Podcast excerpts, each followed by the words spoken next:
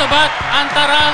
Kembali lagi di program podcast Antara pada program Berisik Berita, Berita Asik. Asik. Masih bersama dengan saya Afud Syafril dan juga Anom Prihantoro. Ya Food kita kayaknya asik sekali kita Asik. mau ngebahas sesuatu yang masih aktual tapi dari tempat yang non jauh di sana. Kita kalau ada istilah kan eh, belajar itu sampai ke negeri Cina. Ya ya ya ya. Nah makanya kita ke Malaysia loh kok bisa kita transit disuruh dulu. oh, transit dulu ya Yoi ceritanya eh, pesawatnya nggak pesawat langsung kayaknya ya Enggak, nah ini sudah ada salah satu bintang tamu kita atau narasumber kita hari ini adalah Mas Irfan Ilmi, yaitu Kabiro Antara di Beijing. yang mewakili liputan di area Republik Rakyat Cina ya Nah, mungkin kan dulu di sana salah satu epicentrum global pertama ya. Hmm. Halo Mas Irfan, gimana kabarnya? Halo, alhamdulillah kabar saya baik. Nah, kalau dilihat nih Mas Irfan memang posisinya di Cina ya. Mas, orang-orang itu kok pada diem semua di belakangmu tuh nggak capek, Mas? Mereka kedinginan kali. Oh, makanya beku ya. Jadi gini Mas, selamat datang di program podcast antara kita dalam pro- program berisik berita asik. Nah, ini kita mau ngobrolin apa sih, Nom? Kita mau ngobrolin soal eh, kisah-kisah bagaimana Mas Irfan ini yang ada di Cina Ah, Eh, dalam menghadapi situasi sehari-hari di tengah pandemi Covid, terutama Cina tadi disebut sebagai epicentrum pertama dari wabah COVID-19 ini. nah, jadi begini, Mas Irfan. Eh, Mas Irfan bisa ceritakan nggak, Mas? Dulu itu ketika mulai pertama pandemik eh, corona ini merebak, itu kan posisi Mas Irfan di Cina waktu itu. Posisinya seperti apa, Mas? Bisa diceritakan, Mas? Ya, jadi kalau kita saya mulai lagi ya. Siap. Eh, pertama itu tidak jelas waktu tanggalnya nggak jelas ya, tapi diperkirakan di akhir atau pertengahan Desember. Jadi perkiraannya sih kalau di dalam kronologis dan yang ada dalam catatan saya itu di pertengahan menjelang akhir Desember.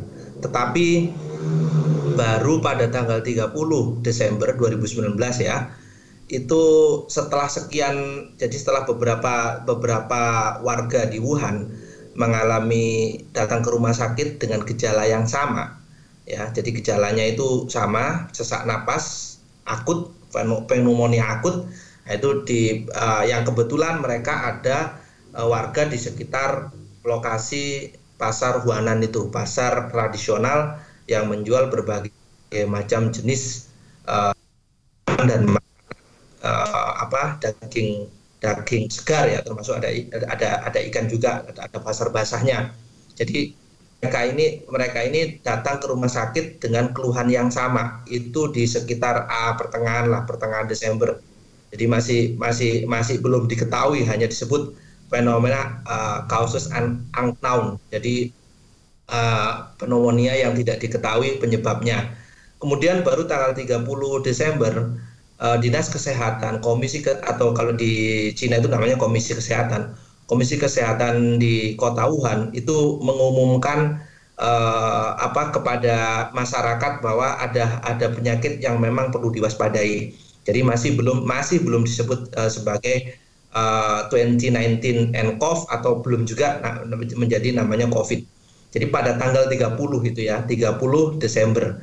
Eh, kemudian pada tanggal 4 Januari 4 Januari eh, Presiden Xi Jinping sudah melihat adanya gejala-gejala ini dengan mengumumkan ke- kepada masyarakat di sana stakeholder yang ada di Cina untuk sama intinya adalah untuk mewaspadai penyakit ini. Yang masih belum jelas eh, apa namanya sumbernya dari mana penyebabnya dari mana. Sampai pada saat itu eh, belum ada satupun pihak yang menyatakan ini adalah penyakit menular dari transmission people to people. Jadi belum ada penularan dari manusia ke manusia. Jadi di awal-awal Januari itu masih belum ada.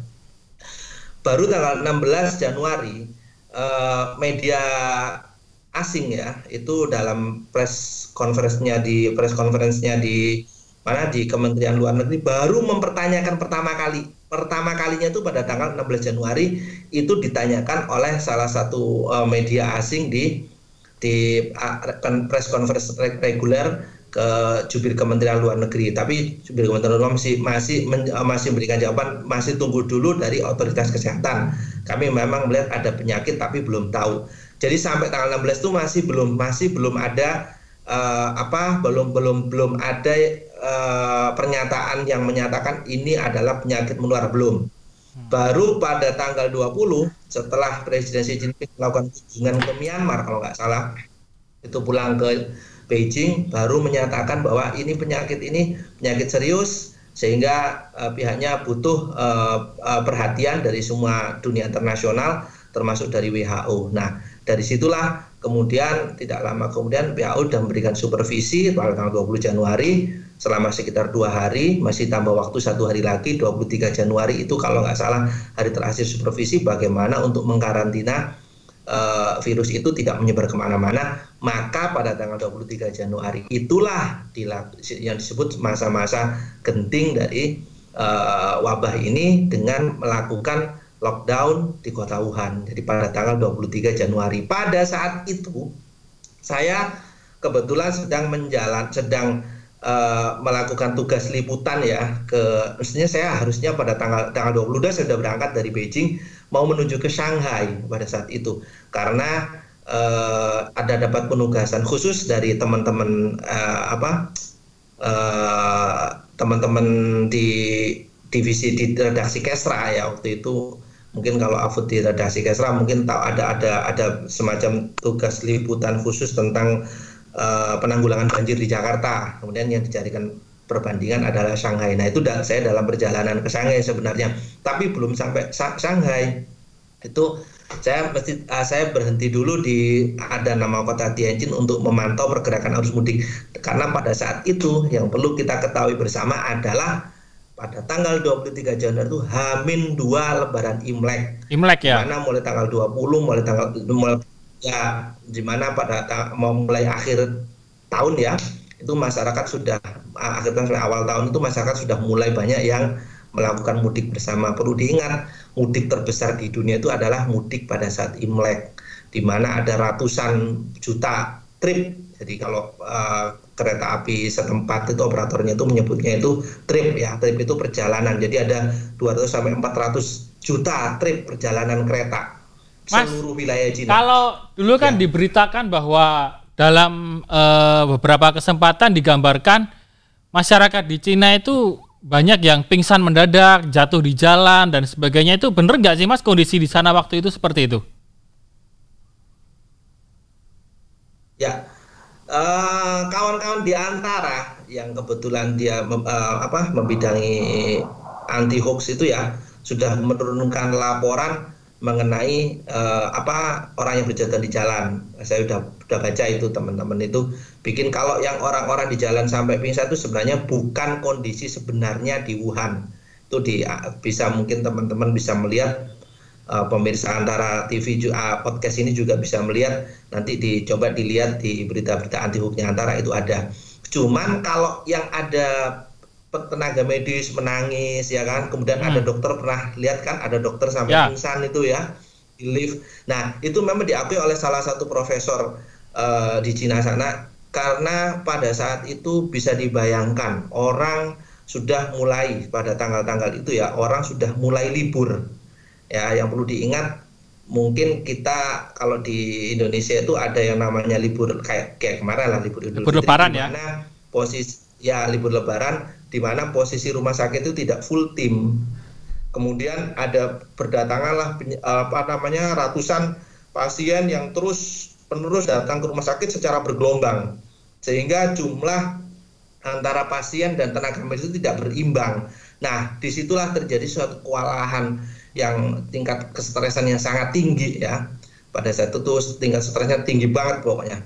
Sehingga baru di tanggal kalau nggak salah H plus 2 25 atau 26 Januari ya. Eh sorry 25 Januari itu eh, pas hari hanya Imlek ya. Sekira-kira sekitar jam tanggal 27 kalau nggak salah 27 28 baru Perdana Menteri Cina menginstruksikan untuk mengirimkan petugas medis supaya eh, mengatasi apa namanya untuk mengatasi ini tadi kejenuhan petugas medis yang ada di Wuhan sana. Jadi pada saat itu dikirimlah beberapa petugas medis dari berbagai provinsi di Cina untuk membantu uh, petugas medis yang ada di Wuhan. Di situlah mulai lagi diatur yang namanya kerja shift. Tadinya enggak, orang sampai dua hari, tiga hari, ya bisa dibayangkan dengan penangkat penyakit keluhan yang sama. Mereka betapa kewalahan ketika ratusan orang datang terus menerus dengan penyakit yang sama itu. Itu sudah dinyatakan sebagai epidemi kalau di Cina waktu itu ya sebagai okay. epicentrumnya adalah di Wuhan itu. Mas, mas itu emang emang anom bau ya mas? Kok yang, sampean tutup hidung? Cina ketika petugas medis kualan. Kalau yang orang berjatuhan itu bukan terjadi di Wuhan. Mas, Gimana? emang ini kita bau ya sampai Mas Irfan hidungnya ditutup-tutup pakai tangan nih. gimana gimana? Diulangi lagi. Enggak, ini. Enggak was bercanda. Bercanda. Apakah, apakah Anom ini bau? Kok hidungnya ditutup Mas Irfan? Mas Irfan kok tangannya nutupin hidung? Emang kita bau? Betul, Anom kelihatan Anom kelihatan ininya saja soalnya. Oke. Okay. kelihatan tuh. Nah, cuman saya nggak mau nongol memang Mas. Ya. Oh iya Mas, Mas Irfan, aku mau nanya nih. Uh, Mas Irfan kan di sana di Cina. Boleh, boleh. Itu kan awal-awal Desember, di pertengahan Desember belum diketahui uh, itu ada infeksi virus dan virusnya belum ya, diketahui itu corona baru ya. Mas Irfan tuh posisinya ada di mana dan uh, bagaimana maaf ya, ma bagaimana Mas Irfan bisa selamat tidak terkena paparan gitu loh? Bisa diceritakan nggak? Hmm. Pada ya pada akhir tahun tuh kebetulan saya punya agenda dua kali keluar kota. Yang satu ke arah timur laut ya jadi pada pada pada Desember itu uh, ya seperti biasa lah saya hampir tiap bulan tuh selalu keluar provinsi Nah, kebetulan ini di, di, di Desember itu saya ke ini ke namanya Provinsi Heilongjiang yang kebetulan di sana uh, sebagai satu-satunya uh, objek wisata yang sangat yang menjadi andalan wisatawan Cina pada musim dingin. Jadi memang saljunya lebih apa uh, lebih tebal ya pada pada tahun ini dibanding tahun-tahun sebelumnya. Pada saat itu saya memang ke sana uh, diajak oleh Kementerian Luar Negeri Cina. Jadi waktu itu ada beberapa media dan uh, medianya cuma saya sama teman dari The Star Malaysia, kemudian yang lain adalah uh, para diplomat. Nah, jadi pada saat itu ya kita masih itu sebenarnya sudah ada berita-berita tentang orang yang yang kena pneumonia itu di Wuhan, tapi saya kontak ke teman-teman, saya kontak ke ke teman-teman KBRI waktu itu masih belum ada pernyataan dari instansi di pemerintah lokal sana yang menyebut sebagai penular menular. Karena saya yang saya masih ingat saya masih ingat SMS-nya itu dari atas pendidikan yang diperoleh dari teman-teman PPIT kalau di sana itu Perhimpunan Pelajar Indonesia di Tiongkok cabang Wuhan itu menyebutkan kalau pasti ini banyak nular pasti uh, pemerintah setempat pasti akan mengumumkan kok. Sejauh ini belum. Jadi pada saat itu ya di bulan-bulan Desember tuh masih belum ada tanda-tanda itu sebagai penyakit menular. Tapi memang sudah menyita perhatian masyarakat Cina karena keluhannya sama. Jadi awalnya itu lima orang yang masuk ke rumah sakit, kalau nggak salah tanggal 5 Desember ya, yang masuk ke rumah sakit itu dari uh, yang diduga orang yang berasal dari tempat yang sama dari pasar Wuhanan itu tadi. Jadi jadi itu yang awal-awal kita masih belum menganggap sebagai sesuatu penyakit menular. Maka ketika sudah dianggap ini sebagai menular antar manusia ke manusia, nah itulah terjadi suatu apa ya uh, suasana yang sangat mencekam, suasana tiba-tiba berubah secara tiba-tiba, yang tadinya rame tiba-tiba sepi, yang tadinya orang orang enak melakukan perjalanan mudik tiba-tiba nggak bisa ke mana, kemudian mereka yang di Wuhan sudah tidak bisa keluar, orang-orang eh, or, jadi waktu itu saya pulang dari tanggal 23 itu malam saya pulang kembali lagi ya nggak jadi meneruskan perjalanan ke Shanghai saya balik lagi ke Beijing besoknya rumah saya digedor sama polisi itu ditanya dari ada yang dari Wuhan gitu. Kemudian ditanya lagi apakah kamu dalam 14 hari terakhir sudah datang dari Wuhan apa pernah pernah melakukan perjalanan di Wuhan. Jadi memang terus di apa namanya petugas polisi itu keliling di sana dari setiap pintu ke pintu ya rumah keliling untuk menanyakan uh, apakah di rumah ini ada orang yang pernah perjalanan dari Wuhan. Jadi Wuhan memang betul-betul pada saat itu betul-betul boleh dibilang menjadi korban ya dari dari wabah ini. Jadi sampai siapa pun yang pernah ke Wuhan tidak akan bisa eh, nggak akan bisa lolos karena pemerintah di sana secara aktif juga mengumumkan itu angkutan atau kendaraan yang pernah dinaiki oleh orang yang positif. Jadi diumumkan setiap saat ada SMS ke ke handphone saya ya. Jadi hati-hati kalau yang pernah naik taksi nomor ini nomor ini mohon harap lapor. Jadi itu tidak hanya di Wuhan tapi di semua juga, ya? kota ya? termasuk di Beijing. Ya, karena gini kan di sana itu orang naik taksi, orang naik apa kalau di di kita kan naik uh, taksi online ya, ya, naik naik taksi online. Itu semua pembayarannya kan pakai WeChat atau pakai Alipay. Di mana di situ kan terkoneksi dengan nomor telepon, terus kemudian ada di situ terkoneksi dengan rekening bank kita, kemudian ter terkoneksi juga dengan Uh, kalau kita orang asing ya berarti terkoneksi dengan nomor paspor kita. Nah itu akan jadi nggak akan bisa bohong ketika kita mau keluar dari Cina pun dia akan lihat rekod paspor ini ada nggak nomor ini pernah naik kendaraan ini ada nggak nama ini pernah naik. Itu yang yang saya sebut bahwa ketika saya meni, apa ketika orang-orang mau bepergian pun tidak akan bisa terlepas dari uh, apa data yang sudah bahkan pesawat juga ada termasuk bus yang mengantar biasanya kan ada bus dari dari terminal apa bukan dari terminal dari dari apa uh, ruang tunggu itu loh kalau mau ke pesawat itu kan ada Transit, bus ya? itu juga sudah uh, sudah terekod juga kemudian macam-macam lah uh, macam-macam macam-macam macam-macam semua alat transportasi ada termasuk kereta nomor gerbongnya nomor kursinya awas ya nomor gerbong ini di nomor kursi ini ada yang pernah ada yang kena entah itu mereka mati atau enggak memang nggak disebutin. Namanya juga nggak disebutin tapi harus lapor. Orang yang naik kereta api tanggal sekian sekian gerbong sekian tujuan sekian nomor kereta sekian harus lapor ke polisi. Oke nah, mas, ini ada pertanyaan ya, terakhir mas untuk Mas Irfan pada akhirnya kan Mas Irfan uh, sempat berhasil pulang ke Indonesia. Nah, kalau ya. Mas Irfan melihat perbandingan antara di Cina dengan Indonesia sendiri, penanganannya seperti apa, Mas? Perbedaannya? Perbedaan penanganan korban. Betul, korban dan uh, pencegahannya. Ada bantuan juga nah, enggak? Pencegahannya.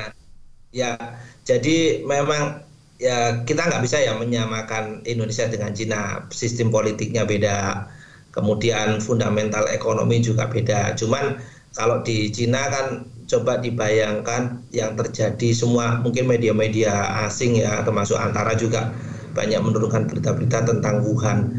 Foto-fotonya juga ada walaupun dari apa dari dari wire asing juga ada tuh bagaimana kondisi mencekamnya Wuhan pada saat tanggal 20 tanggal 23 Januari itu. Bahkan uh, apa pemerhati HAM pun juga komentar bagaimana ini nggak melanggar HAM orang sudah nggak bisa keluar nggak dikasih waktu. Jadi pengumuman antara lockdown itu tengah malam diumumkan jam 10 uh, harus ditutup. Dan itu memang ditutup total. Banyak orang tidak punya kesempatan untuk melarikan diri.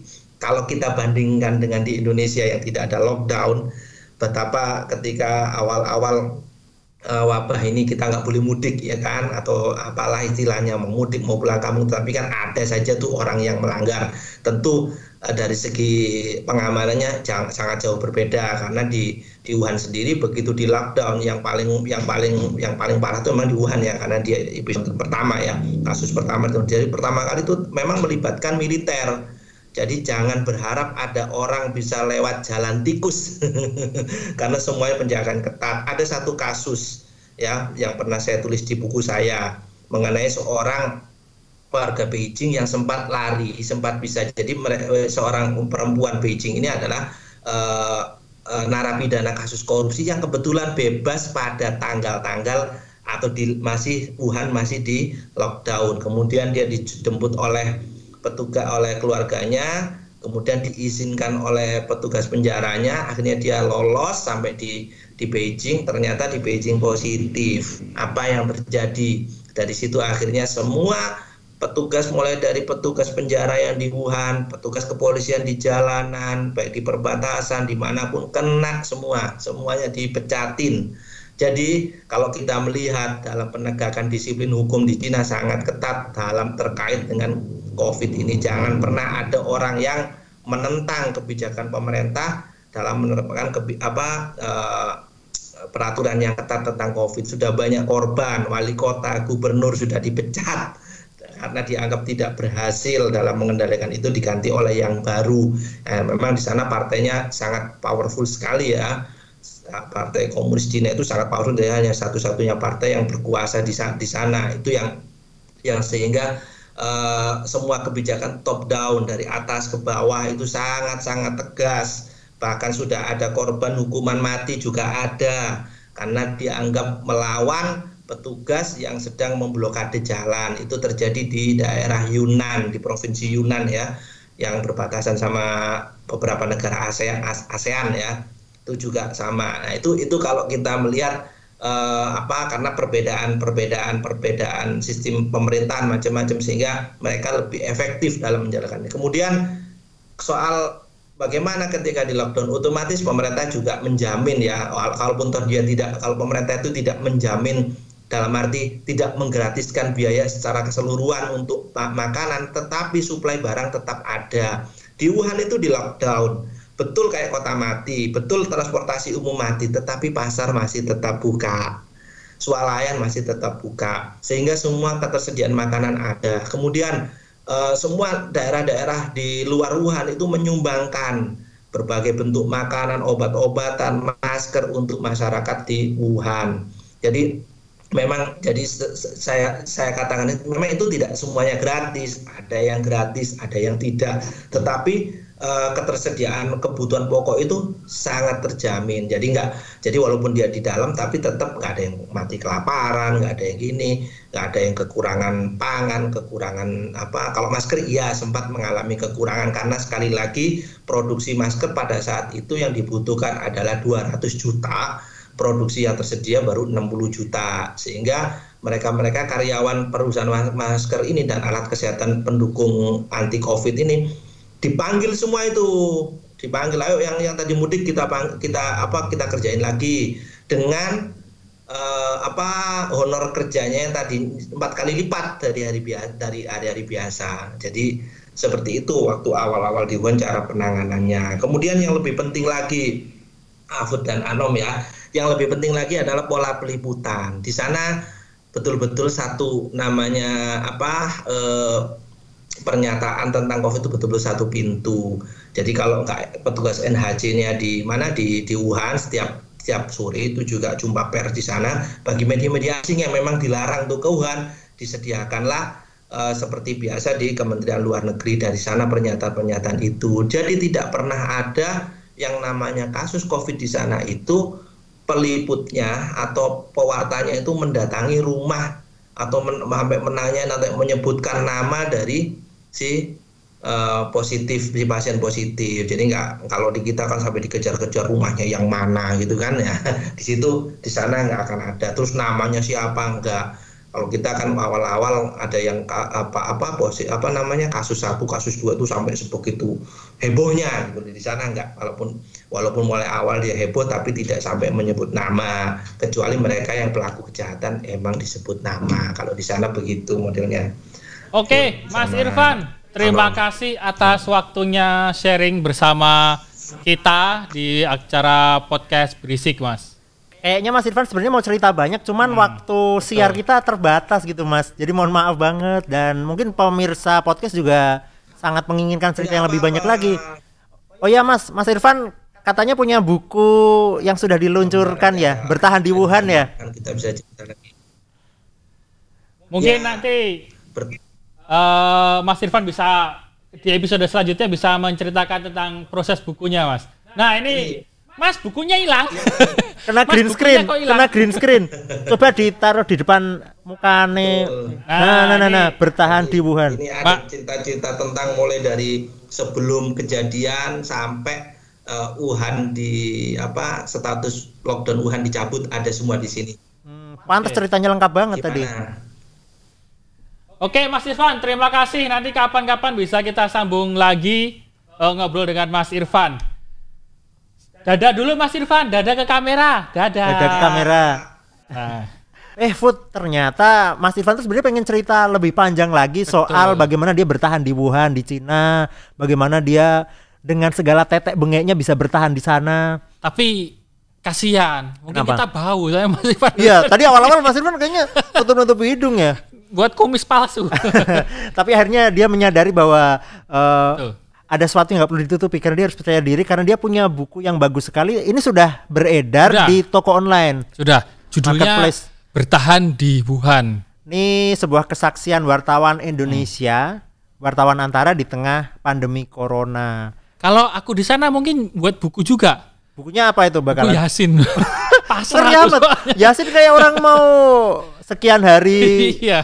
Setelah meninggal gitu. Jadi uh, Nom, uh, terlihat jelas bahwa perbedaan ya penanganan hmm. uh, kita nggak bicara baik buruk. Mungkin karena waktu itu uh, Cina lebih siap duluan, bahkan yeah mereka kan bisa melacak kan dari nomor telepon ketika sudah naik public transport yang lain seperti apa itu bisa dilacak nah. Iya. Sedangkan kita kadang eh, kedisiplinan kita masih kurang dan memang kurang ketat juga dalam hal beberapa eh, untuk pengawasannya. Jadi sehingga eh, kadang kita lupa. Nah, sedangkan ketika di Cina sendiri ketika sudah menjadi epicentrum mereka langsung seketat itu. Bahkan eh, beruntungnya Mas Irfan kan bisa selamat dan bisa dapat kesempatan untuk sebelum lockdown tadi ya, dia pergi ke tempat yang lebih aman seperti itu. Tapi yang nggak kebayang di saya itu bagaimana uh, segala aktivitas dia beli apa, naik ah. apa, dari mana ke mana itu bisa direkam pemerintah ya. Betul. Kalau di kita kayak gitu bisa di demo tuh. Nah. Woi, identitasku. misalnya aku yang jadi kabiro di sana tadi posisinya misalnya diketok polisi kan. Oh. Aku nggak ngerti dia ngomong apa. dikira mau ngasih sesuatu katanya iya iya aja. Tapi kalau Mas Mas Irfan sebagai kabiro di Beijing sana, di Cina sana, dia bisa tiga bahasa loh, bisa oh. bahasa Inggris, bahasa Arab, sama bahasa Mandarin. Bisa ya? Dia pernah kuliah di Taiwan. Nah, aku tadi khawatir kalau dia ngomongnya pakai bahasa Cina. Kita bingung nyari translate-nya ya. Kita bingung di sini. Nah, mungkin bentar. Kalau Afut kalau misalkan diketok itu, ketok-ketok itu kayaknya khawatir ya. Khawatir, khawatir. tuh debt collector. Oh, bener sekali. Barang-barang saya juga kebanyakan barang Cina lagi. Ditagih nanti. Ah, telat kamu ketawa. Jadi itu tadi laporan khusus dari eh udah. Nah, ketawanya udah. Laporan khusus dari Mak uh, Cina ya. Bahkan hmm. Mas Irfan juga pakai baju koko. Itu juga dari Cina kan? Iya, baju koko namanya aja koko, kokoh. Nah, kokoh baju kokoh. Kalau pakai batik nanti dikira lagi di Surabaya. Iya, nanti. Ya enggak sih Mas Iram di Surabaya atau di Cina sih? Jadi eh, laporan khusus kali ini memang membahas mengenai bagaimana sih penanganan atau kejadian sebenarnya ketika di Tiongkok waktu itu, khususnya dari sudut pandang pewarta kantor berita Antara. Nah, ya. kalau dari apa yang disampaikan Mas Irfan tadi, hmm. Anda menangkap seperti apa mengenai uh, kejadiannya ternyata uh, prosesnya seperti itu bahwa antara pengumuman lockdown dan juga pembatasan itu sangat cepat bahkan nggak ada kesempatan untuk melarikan diri tadi. Ya itu memang kalau menurutku ya itu hmm. sebuah uh, kebijakan partai komunis yang memegang negara, hmm. mengendalikan negara ya mereka ngomong apa, keputusan apa, rakyat harus taat. Rakyat taat pun mereka karena takut. Hmm. Tapi lebih dari itu yang dikhawatirkan itu sebenarnya awal-awal virus itu terdeteksi itu kita nggak tahu itu sebenarnya corona atau covid-19 karena ya, awal-awal kan orang masih ya. ini orang pada kena penyakit pneumonia pneumonia apa? Gejalanya sama tapi kok kayaknya penyakit baru. Orang-orang nah. belum tahu. Belum ada lockdown belum ada masker belum ada ah macam-macam deh. Nggak kebayang. bahkan, ya bahkan kan kepanikannya kan ada yang disinyalir dari kebocoran virus lab virus lab, ya, oh. lab virus dan kelelawar dan sebagainya. Jadi mungkin awalnya mungkin masih panik ya. Apalagi itu ada mudik terbesar sejagat. Ah iya betul. Di Saat, Imlek ya? Iya, Imlek. tahun baru Tiongkok itu ternyata menjadi salah satu pesta mudik terbesar di Cina hmm. dan ternyata di saat yang sama corona mulai merebak di sana dan ya. itu mungkin yang membuat penyebarannya sangat cepat ya dari ya, tiba-tiba ratusan ribu nah, orang langsung terinfeksi. Sama ketika mungkin kita sekarang juga kemarin pada masa fase-fase mudik dan sebagainya. Uh, kita kasih tepuk tangan dulu dong buat Mas Irfan tadi. Luar biasa. Mas Irfan baik-baik di sana. Bisa bertahan dan produktif ya. Ya, dan sempat buat buku ya. Hmm. Kalau saya bener itu tadi buku Yasin sama paling masak doang bisanya di lockdown. Jadi uh, Anom, uh, ya, uh, mungkin yang bisa kita sampaikan untuk uh, teman-teman di Indonesia seperti apa nih? Bahwa kita ternyata menghadapi masalah yang sama dengan di Cina. Tapi ternyata uh, beda indisipliner atau disiplin penanganan. Nah, jadi mungkin kalau dari saya Mungkin bisa ngasih tips ke sobat antara ini kita harus lebih disiplin dan bisa dicontoh lah untuk yang baik ya seperti di Cina tadi bahwa kita harus sadar diri dan pengawasan juga harus satu sama lain semakin ketat. Betul nggak sih seperti itu? Ya sel uh, selain dengan ketat tentu ketika sudah dikasih peraturan, dikasih tips, dikasih bagaimana aturan di area publik hmm. protokol kesehatan sudah dikasih tahu ya sebaiknya ditaati saja. Maksudnya ketika kita taat itu kalau kita tidak bisa membantu pemerintah ya kita bisa membantu mereka dengan tetap tinggal di rumah, tetap menerapkan protokol pakai masker di area umum dan seterusnya. Baiklah. Eh uh, kita udah ditepukin tangan. Baiklah uh, demikian sobat antara uh, program podcast kita kali ini tetap bersama kami dalam program Berisik Berita, Berita Asik. di episode episode selanjutnya. Tetap simak terus program Berita Baik Antara dan juga ke depannya kita akan banyak ya menghadirkan narasumber-narasumber yang penting dan baik bagi sobat Antara di rumah. Dan Mungkin, tentunya paling asik betul. ya. Betul. Dan demikianlah uh, program podcast Berisik kali ini semoga ke depannya bisa menghadirkan program berita yang lebih menarik lagi bagi Sobat Antara. Dan sampai jumpa pada program Berisik Berita, Asik.